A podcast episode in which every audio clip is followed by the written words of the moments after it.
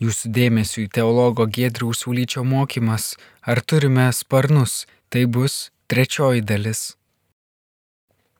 Teskime mūsų studijas ir sustojame toje vietoje, kad vieni pranašai rodydavo ženklus, o kiti, nors ir neparodo kažkokio stebuklo, vis tiek yra pranašai, nes skelbia Dievo žodį perdoda tą Dievo žodį. Tai vad, kad taip mąstė judėjai dar iki Naujojo testamento, mums tampa aiškiau suprantama, kai Jėzus klausia, ką žmonės kalba apie mane. Na, vieni laiko tave pranašu. Anksčiau man atrodydavo, kad tai yra Jėzaus pažeminimas. Dabar šitame kontekste aš suprantu, kad tai buvo be galo didelis įvertinimas, nes pranašų nebebuvo. Ir jeigu praėjus 300 maždaug 50 metų, žmonės sako, tai jis tas pranašas. Ir jis pranašas reiškia, jis yra jau tame pranašų lygyje, tame, kurio nebėra Tai buvo labai didelis įvertinimas, ko galima buvo laukti iš žmonių, tai tokio įvertinimo. Labai, aišku, kiti laiko Elijų, nes Elijas buvo pranašas, kuris nemirė. O žydus labai traukė tos asmenybės, kurios nemirė. Ir viena iš jų yra iš tiesų Mozė. Niekas nežino, kur jo kapas. Ir todėl Mišnoje atsirado mokymas, kad Mozė apskritai nemirė. Ir atrodo, kad evangelistai tuo tikėjo. Kai Jėzus atsimaino kalne, ateina Petras ką mato? Mato Mozę ir Eliją. Reiškia, ir panašu, kad judėjai laikė, kad jie abu du tai buvo tie pranašai, kuriuos Dievas paėmė neragavus mirties. Trečiasis Kas buvo? Tik trys tokie buvo. Iki Jėzaus. Henochas. Ir apie jį mes irgi dar šiandien pabandysim, jeigu liks laiko, iki jo ateisim. Tai va, žiūrėkime, kai Jėzus įvertinamas kaip pranašas, tai tuo metu nėra pažeminimas, tai yra priešingai labai didelis įvertinimas. Krikščioniško mąstymo jie dar negali turėti. Jie dar ne, nėra subrendę, kad įvardintų jį kaip Dievo sūnų, kaip gelbėtoją. Kaip mesiją jau mokiniai pradeda jį įvardinti, kaip mesiją, artimiausi mokiniai. Bet jau ir tauta, įvardindama jį pranašu, pasako labai teigiamai ir labai daug apie Jėzų. Dabar, kai mes sakom, kad šventoji dvasia pasitraukė iš Izraelio, ar reiškia, jie taip patys kalba, ne mes sakom, tai Talmudas kalba, tai jų žodinė tradicija taip perduoda, kad antrosios šventyklos periodo laikotarpyje neliko pranašų ir todėl šventoji dvasia na, pasitraukė. Bet ar iš tiesų nebeliko stebuklų Izraelyje? Kaip tuomet suprasti, kad Jėzus darė stebuklus ir žmonių, sakykime, ne tai, kad nestebino, bet jie priimdavo tai normaliai. Esmė tame, kad stebukladarių buvo ir tame laikotarpyje. Tai vienas iš jų yra Honi, braižęs apskritimus apskritimą. Stebukladarys Honi yra minimas Talmude, yra minimas Juozapo Flavijaus ne viename šaltinyje. Ir žiūrėkime, apie šitą žmogų šiek tiek pašnekėkim, nes tai yra vėlgi to meto stebukladarys arba archetipas, kurį mes matydavom pranašuose anksčiau, jis nelaikomas pranašu jau bet kurį mes matysime ir Jėzaus asmenyje, o po to apaštalų asmenyje, Jėzaus apaštalų asmeniai. Taigi, žiūrėkime, kaip kalba Talmudas. Dievas pasilaiko tris raktus, kurių nepatikė savo pasiuntiniui. Lietaus raktą, vaikų gimdymo raktą ir mirusiųjų prisikėlimo raktą, kaip parašyta. Viešpats atidarys tau savo turtingą išdą dangų, kad laiku parūpintų lietaus tavo kraštui. Taigi jie dabar Sename testamente Elijas meldė lietaus, kai buvo bado laikas ir lietus ne iš karto, bet pradėjo lyti. Honi braižęs apskritimus ir pasižymi tuo, kad jis panašus į Eliją, būtent jis meldė lietaus. Po pirmos jo maldos lietus nelėjo. Tuomet jis apibrėžė aplink save apskritimą ir sako, Dieve, aš nepasitrauksiu iš šitos vietos, kol nepradės lyti lietus. Ir po antros jo maldos pradėjo dulksnuoti. Tada jis sako, Dieve, aš ne šito prašiau. Aš prašiau, kad cisternos, šuliniai, olos, visa kas įmanoma, daubos prisipildytų lietaus ir tada pradėjo pilti kaip iš kibiro. Tai sukėlė reakciją tarp išminčių. Ir į vienas jam pasiuntė žyminę. Simonas Seto sūnus nusiuntė pasiuntinį, kuris jam pasakė, nebūtum honi, ekskomunikuočiau tave, bet ką galiu dabar daryti? Tu kaip sugadintas Dievo vaikas, kuriam jis nuolaidžiauja. Taigi Honi ir įeina į žodinę judėjų tradiciją kaip Dievo vaikas, tačiau sugadintas. Kodėl jis sugadintas? Nu todėl, kad nesugadintas Dievo vaikas niekada neprašys tokio stebuklo. Nes tai akikplėšiška iš tėvo reikalauti, kad tu, na, dabar siūsk lietų. Bet Honi paprašė, Dievas atsakė, tai nėra tobula, bet tebūnie. Stebukladariams vietos yra ir antrosios šventyklos periodu. Ir dabar žiūrėkime, tame yra vėl midrašai. Midrašai yra pamokymai ta prasme. Ta prasme, kad išminčiai, sako, atsargiai su stebuklais. Nes taip yra tas pasiuntinys, kurį Dievas pasiunčia, kaip su savo žiedu. Anspaudu ir stebuklai yra kaip liudimas, kad tai žmogus ir Dievas veikia. Bet taip pat yra ir klaidingų stebukladarių, ir klaidingų ženklų, kuriais patikima. Todėl reikia su jais atsargiai. Bet, reiškia, tas, kuris mokys toros, Jis kaip ir to žiedo neturi, bet įsiklausyk ir pagal mokymą paaišysi. Todėl mat yra toks santykis. Bet jiems yra vietos. Ir Talmude atrandame daugiau, na, ir netgi rabinų, kurie daro stebuklus. Vienas iš jų yra Hana, rabinas, ir apie jį kalbama taip. Jis buvo neturtingas. Jis labai prastai jautėsi, kadangi neturėjo aukos nunešti į Jeruzalę. Jis gyveno ne Jeruzalėje, va panašiai kaip Jėzus keliaudavo iš Nazareto, jo tėvai keliaudavo į Jeruzalę, kaip žydų vyrai keliaudavo į Jeruzalę tris kartus per metus. Į šventyklą pagarbinti Dievą ir visada su aukomis. Jis neturėjo. Ir jis sako, aš nunešiu bent akmenį į Jeruzalę. Išskaptuosiu tą akmenį ir nunešiu. Bet akmuo per sunkus buvo, tada jis prašo penkių vyrų, padėkit man akmenį į Jeruzalę nunešti. Sako, gerai, nunešim tą akmenį į Jeruzalę, bet reikia sumokėti kainą tokia ir tokia. O nenuliūdo, iš kur aš gausiu pinigų, aš ne, ne, neturiu to. Ir sėdi nuliūdęs, žiūri, kiti penki vyrai eina. Sako, žiūrėkit, akmenį noriu nunešti Dievui paukoti. Visą širdį dėjau užskaptuodamas, gal padėsit? Ir sako, na, be abejo, padėsime pridėk ranką prie mūsų. Jis pridėjo ranką ir staiga jie atsidūrė Jeruzalėje. Pasirodo, Dievas pasiuntė penkis angelus, kurie apsirengė kaip žmonės. Honi nori Jeruzalį jiems atsilyginti, bet dingo tie žmonės.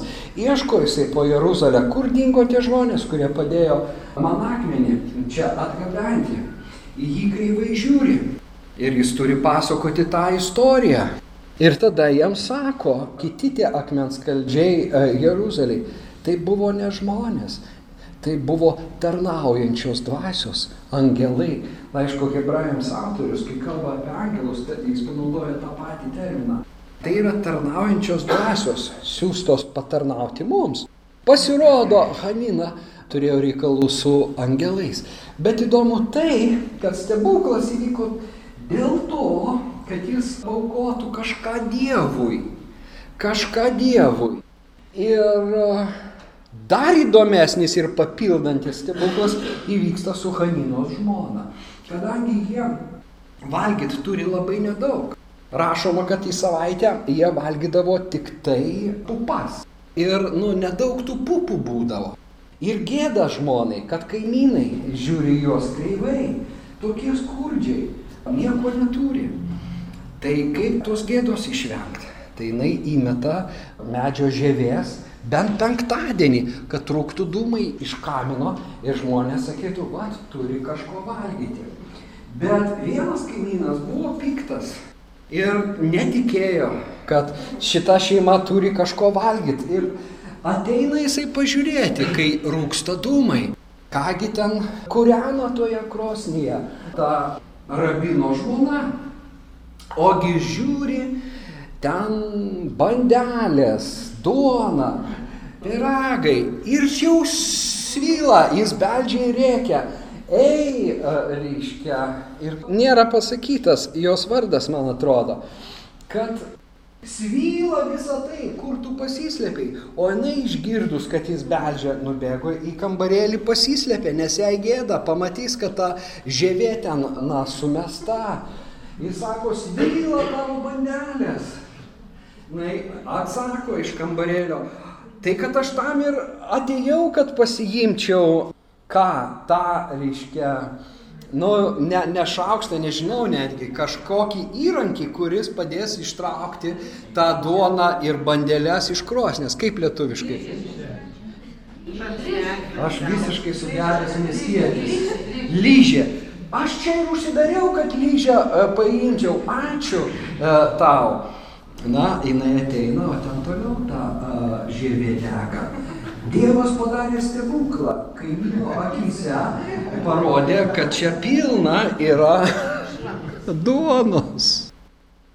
O beje, vyrui tie akmens kaldžiai pacitavo dar vieną rašto vietą. Jie pacitavo jam tokią vietą iš patarlių knygos. Ar mateis stropaus žmogaus darbą? Jis stovės prieš karalių. Jam nereikės stovėti prieš paprastus žmonės. Mes skaitom ir sakom, prie ko čia jis, prie, tasgi Hanina prieš karalių neatsistojo. Pirmas dalykas, ta, e, hebrajiškai pasakyta stovės prieš karalius, daug įskaitoj.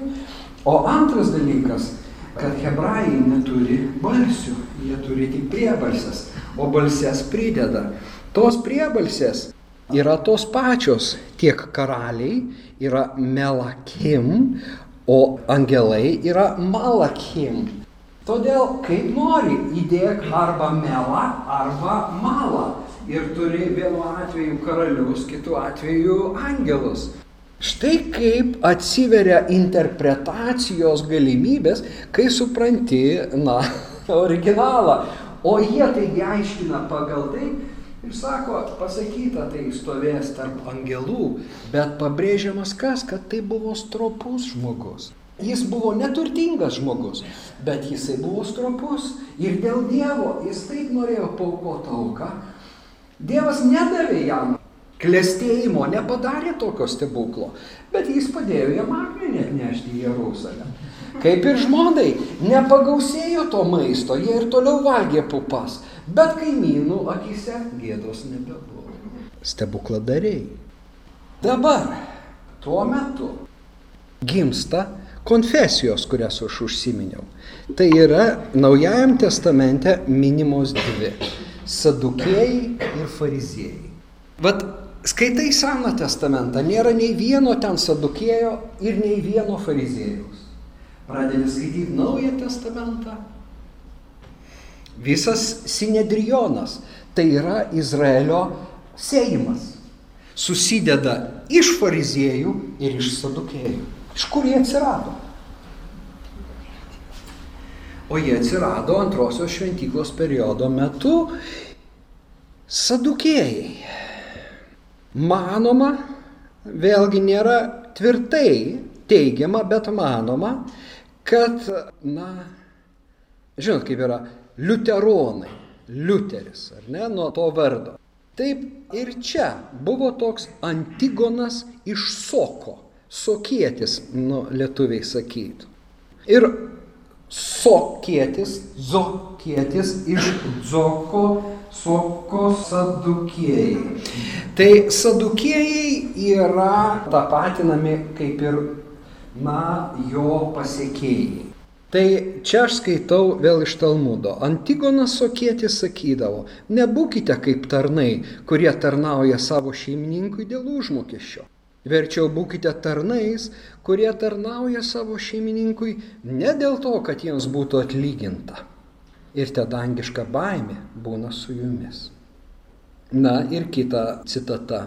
Aukščiausia tarnystės savo šeimininkui pakopa yra ta, kai tarnaujama iš meilės šeimininkui, nepriklausomai nuo to, koks užmokestis. Tokį garbintoją vadiname garbintoju iš meilės. Šitas principas labai rėžia ausis mokytojams. Todėl, kad toroje yra išguldytas kitas principas. Daryk gerą, Dievas tau atlygins. Už gerus darbus atlygins pagarbą, šlovę, išaukštinimu. Už blogus ateis prakeikimas, pažeminimas, na ir galiausiai tremtis kaip visai tautai. Įvyko. Tokį principą įtvirtino Tora. Tačiau šitas Antigonas, kurio vardas jau kalba apie helenizmo įtaką, nes tai yra graikiškas vardas, bet jis yra žydas ir mokytojas, Jisai sako, ne, ne atlygis svarbu, o šeimininkas. Ir iš tiesų jau Senajame testamente mes galime atrasti apie vergus, kurie šiaip turėjo galimybę išeiti laisvę.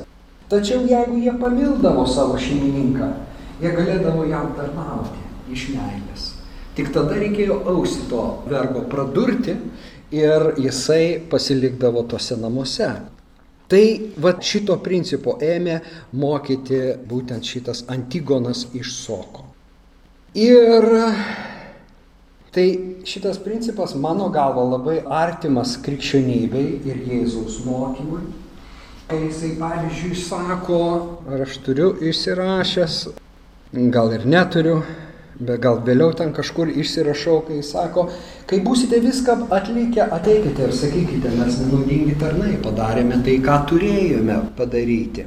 Arba tie palyginimai, kai šeimininkas pakviečia tarnus, žmonės pasamdo dirbti vynoginę ir atėjus vakarui jis ateina atsiskaityti ir staiga atsiskaitydamas, tiems, kurie te dirbo vieną valandą, užmoka tiek pat, kiek užmoka ir tiems, kurie dirbo nuo ankstaus ryto, pastarėjai pasipiktina, koks tu neteisingas. O šeimininkas atsako, ar nesuderėjom už denarą su jumis. Aš jums atidaviau tiek, kiek buvo suderėta, ar jūs piktina tai, kad aš esu geras. Ir sumoku ne pagal darbus. Tam, kuris dirbo pas mane tik tai valandą laiko.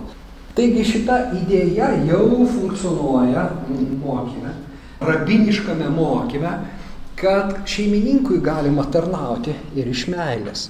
Tai yra Dievui svarbiau yra žmonės, kurie jį myli, o ne tie, kurie tikisi amžino gyvenimo. Kaip užmokesčio už gerus darbus. Tačiau sokiečio mokiniai nebeteisingai aiškino savo mokytojo mokymą. Taip labai dažnai atsitinka ir krikščionybės istorijai, kai pasiekėjai iškraipo ir dogmatizuoja savo įkvėpėjo mokymą. Ir staiga jis labai nutolsta nuo pirmtako. Aš taip manyčiau. Taigi mokiniai mąstė taip, jeigu nėra užmokesčio, tai nėra ir amžino gyvenimo arba gyvenimo po mirties. Jeigu nėra užmokesčio, nėra ir mirusiųjų Ir Naujajame testamente mes skaitome, atėjo pas Jėzų sadukėjai ir čia pat paaiškina evangelistai. Morkus, Matas, neatsimenu kuris, kai sako, mat, sadukėjai netiki mirusiųjų prisikėlimą. Štai kaip tai įvyko. Geras dalykas buvo iškraipytas ir jie sumaišė motivaciją Nes būtent Antigonas mokė, kad motivacija turi būti meilė, o ne užmokestis. O jie pagalvojo, kad jis kalba ne apie motivaciją, o apie patį užmokestį. Jeigu ne užmokestis, reiškia nėra, gyvenkime tik dabar. Be to, sadukėjai, sadukėjų na, atšaka arba sadukėjų konfesija Jie gyveno labai prabangiai, jie gyveno didžiąją dalim Jeruzaliai. Didžioji dalis jų turėjo sąlytį su šventykla. Ir, na, jie netikėjo mirusiųjų prisikėlimu ir, kaip žinia, Evangelijose Jėzus juos bara už tai, kad jie nesupranta rašto ir neteisingai jį aiškina ir nesupranta Dievo jėgos. Tai va, bet Antigono, va, klaidą padariau, atsiprašau. Kai sakiau, kad Antigonas sokėtis, aš bandžiau sadukėjus išvesti iš soko, ne iš soko. Antigono mokiniai buvo Sadokas ir Boetas. Ir vad Sadokas, be abejo, tokių buvo ir vyriausiųjų kunigų Senojo testamento metu, bet čia ne vienas iš jų. Čia jo mokinys Sadokas, iš čia Sadukėjai. Sadok, Sadukėjai. O tas Boetas turėjo kitą požiūrį ir daug kas mano, kad iš Boeto kilo fariziejai. Bet vėl drąsiai negalim teikti, nes tarp vardų nėra nieko bendro, o fariziejai visgi kilo. Dabar fariziejai, nu paskaitykime, ką Talmudas sako. Viena rašto eilutė sako, mylėsi viešpatį savo Dievą, visa širdimi, visa siela ir visomis jėgomis. O kita, bijok viešpaties savo Dievo, jam vienam tarnauk, glauskis prie jo ir jo vardu prisiek. Taigi, vykdyk jo valią iš meilės ir vykdyk iš baimės. Nes viena eilutė iš įstatymo iš toros kalba apie meilę Dievui, o kita apie viešpaties Dievo baimę. Taigi, vykdyk jo valią iš meilės ir vykdyk iš baimės. Vykdyk iš meilės, kad pradėjęs nekesti, prisimintum, kad jį myli, o mylintis negali nekesti. Vykdyk iš baimės, kad jei sukiltum prieš jį, prisimintum, kad tas, kuris bijo, nemaištauja. Baimės fariziejus yra Jobas, o meilės fariziejus Abromas. Ir labiausiai mylimas iš septynių yra Abromas. Pasirodo, mes skaitom apie fariziejus o jų būta septynių rūšių. Ir kiekvienas yra aptariamas, bet mes tam neturime laiko. Palieskime tik du, kurie šitoje ištraukoje - baimės fariziejai ir meilės fariziejai. Taip jie ir vadinami. Kas man įdomu, kadangi Naujajame testamente mes skaitom, kad Jėzus kalba apie fariziejus kaip apie veidmainius, pradedame galvoti, kad viską ką jie mokė, na, mes net nežinom, ką jie mokė, tai viena. Bet, na, va, toj vienoje ištraukoje, kurią citavau iš Morkaus, kažkiek supranta, kad jie mokė tradicijas, kurios jau kirzdavosi su tora. Bet šalia, žiūrėkite, jie mokė daug gerų dalykų. Tų gerų dalykų, kurie tampa Evangelijos arba Jėzaus mokymo pagrindu. Ta prasme, Jėzus, galim sakyti, yra ir Antigono sokiečio pasiekėjas. Ta prasme, jisai ir yra e, Rabio Hanos pasiekėjas, kuris daro stebuklus, bet sako, tai nedidelis dalykas, stebuklai. Neaukštinkite jų. Jisai daro stebuklus, bet akcentus deda kitur. Ar ne? Daug dalykų, kai tu pasižiūri, kas sudaro Jėzaus Evangeliją, jau ateina iš jo pirmtakų. Kai ką jis reformuoja, bet kai kas išlieka. Ir išlieka ne tik jo mokyme, bet ir apaštalų mokyme. Ir ta prasme šitie išminčiai pramynė kelią. Pramynė kelią Evangelijai.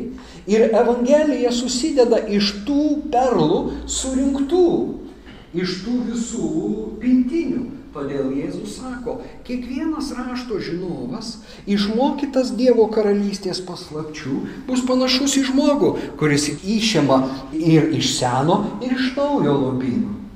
Žiūrėkime, kiekvienas, jis kalba apie šitos.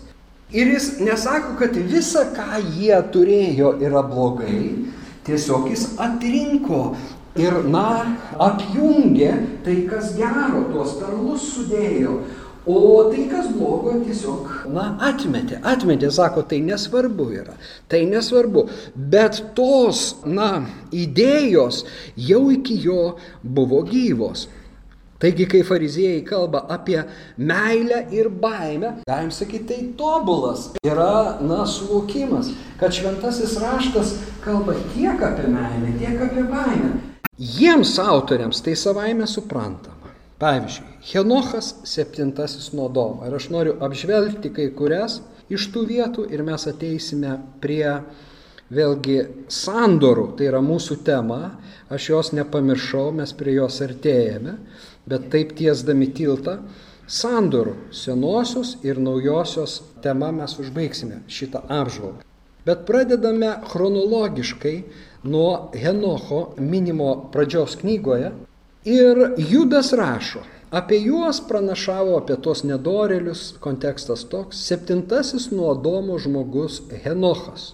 Štai atėjo viešpas su miriadai savo šventųjų įvykdyti visiems teismo ir nubausti visų bedievių už visus bedieviškus darbus, už visus piktus žodžius, kuriuos prieš jį kalbėjo bedieviai nusidėjėliai. Problema ta, kai mes perskaitom Judo laiške šitą eilutę ir jeigu esame skaitę pradžios knygą, mes sakome, Judai, iš kur tu sužinojai, kad Henochas yra septintas nuo Adomo? Ir kur tu atrandi šitą pranašystę? Štai atėjo viešpats. Reiškia, štai Enochas pranašauja, kad atėjo viešpats. Bet tai yra citata iš Enocho knygos. Kaip aš minėjau, tai yra išminties knygos, tai yra pseudoepigrafinės knygos. Per pertrauką sulaukiau gero klausimo, kodėl vadinamos pseudoepigrafinės. Pseudoepigrafinės tai reiškia, kad pavadinimas netitinka autoriaus. Nors tai pavadinta Henocho knyga. Henochas buvo vienas pirmųjų apskritai žmonių va, po Adomo, jis negalėjo parašyti. Tai yra, na, nu, kaip sakyti, netikras autorius, bet jo vardu yra kalbama ir užvardinamas kūrinys. Todėl taip vadinasi tos knygos. Mokslininkai jas užvardino pseudoepigrafinės. Bet daugiau įdomu yra, na, turinys. Ir tai, kad apaštalai buvo panirę į tai. Jiems tie tekstai buvo pažįstami, tų tekstų dažnai buvo daugiau iki mūsų dienų, ne visi pasiekė, tik kai kurie pasiekė. Bet, pavyzdžiui, Henocho knygos yra mūsų pasiekusios. Ir ten atrandam faktiškai identišką tekstą. Štai jis ateis su 10 milijonų šventųjų įvykdyti visiems teismą. Ar ne? Taigi Judas, na, remiasi šituo tekstu. Nojus teisumo pamokslininkas. Petras rašo, jis nepagailėjo senojo pasaulio, tik išsaugojo teisumo šauklinojų ir dar septynetą, kai siuntė bedievių pasauliui tvaną. Ir iškyla tas klausimas, kodėl jis yra teisumo šauklys? Kaip suprasti teisumo šauklys? Iš tiesų žodis šauklys galėtų būti išverstas pamokslininkas. Nes tai na, mums suprantamiau, ten nu, ne kažkoks šauklys, bet pamokslininkas, kuris skelbė tiesą ir teisumą. Talmude štai kas pasakyta. Kaip suprasti, užduodamas klausimas, kas parašyta ir citata iš Jobo knygos? Jis greitas ant vandens paviršiaus, jų dalis prakeikimas žemėje. Jis neina keliu į vynogyną. Labai paslaptingi žodžiai. Mokytojas aiškina, Tai parašyta apie teisų įnojų, kad jis barė savo kartos žmonės sakydamas jiems, atsiverskite, o jei ne, šventasis, te būna jis palaimintas, užleis ant jūsų tvaną ir jūsų lavonai, kaip oro pripildyti vynmaišiai, plūduriuos vandens paviršiuje, kaip pasakyta, jis greitas ant vandens paviršiaus. Ar kas nors perskaitęs Jobo citatą pasakytų, kad tai apie tvaną kalba eina. Bet mokytojas, panašiai kaip evangelistai, evangelistas Matas, staiga pacituoja ir sako, čia apie tai. Čia apie tai. Bet žiūrėkime, Nojus yra pamokslininkas. Jis pamokslauja. Įdomu, kad pamokslaujantį Nojų, kuris skelbia artėjantį teismą, kalba Sibilės ištarmės, kita knyga ir net Juozapas Flavijus žydų senovėje. Taigi, tai, kad Nojus yra teisumo pamokslininkas, mes sužinome iš tų ekstra biblinių šaltinių, ar ne? Ne iš Biblijos, ne iš Toros, ne iš Mozės penkiaknygės, bet iš kitų šaltinių, kuriuos apaštalai naudoja kaip savaime suprantamus nekvestionuoja jų įkvėptumo, neįkvėptumo. Iš vis jiems tas nėra tokio klausimo. Jiems nėra tokio klausimo. Jie tiesiog turi savo metodus, savo hermeneutiką, kuri didžiaja dalim yra identiška hebrajų rabiniškai tradicijai, bet jos akcentas yra kristologinis. Kristus tampa akcentu, o patys metodai išlieka tie patys. Žiūrėkime dar kelis pavyzdžius. Mozė. Mozės išsilavinimas Egipte. Apaštalų darbuose Lukas užrašo Stepono pamokslą, kuriame jis aptarė Izraelio nueitą kelią. Tai beje tradicinis vėlgi būdas, pavyzdžiui, išminties knyga antrojo kanono labai panašiai dėsto nueitą Izraelio kelią. Tačiau prie kiekvienos istorijos dar kažką prideda. Midrašą, pamokymą, kažkokį išvalgą, pamastymą. Čia panašiai Steponas, tačiau jis atveda iki Kristaus. Bet kalbėdamas apie Mozę jis sako, jį pasiemė auginti faraono duktė ir įsūnijo. Mozė buvo išmokytas visos Egipto išminties ir tapo galingas žodžiais ir darbais. Jeigu mes skaitome išėjimo knygą, kur aprašyta šita istorija, niekur mes netrandame, kad Mozė buvo išmokytas visos Egipto išminties. Na, to nėra paprasčiausiai. Iš kur jie sužinojo? Tai.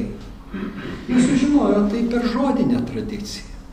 Tai perdavė būtent tą didžioji sinagoga, didžiojo susirinkimo vyrai. Jie perdavė. Kalbėdami apie tai, kas vyko tuomet, jie pridėjo. Ir, na, galim išprotauti, kad jeigu Mozė augo faraono rūmose, greičiausiai jį mokė. Tačiau jie nedvėjojo to. Ir žiūrėkime, ką mes atrandame Filono kūrinį apie Mozės gyvenimą. Filonas yra mąstytojas, filosofas savo laiko. Tačiau kai jisai kalba graikams apie žydų istoriją, jis nori ją padaryti, na, kaip sakyt, patikimą. Ir tam, kad jinai būtų patikima, jis pabrėžia tam tikrus dalykus, kurie graikams daro įspūdį, kaip štai šito ištrukoj.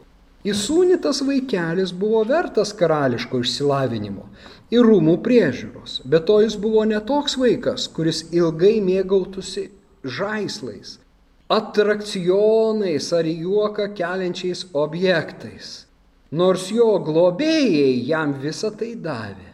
Tuoj pat jam buvo parūpinti įvairūs mokytojai, kurie vienas po kito, kai kurie savo norų, atkeliavo ne tik iš Egipto kraštų, bet ir iš kaimininių šalių. Gundomi didelių dovanų mokytojai atvyko net iš Graikijos.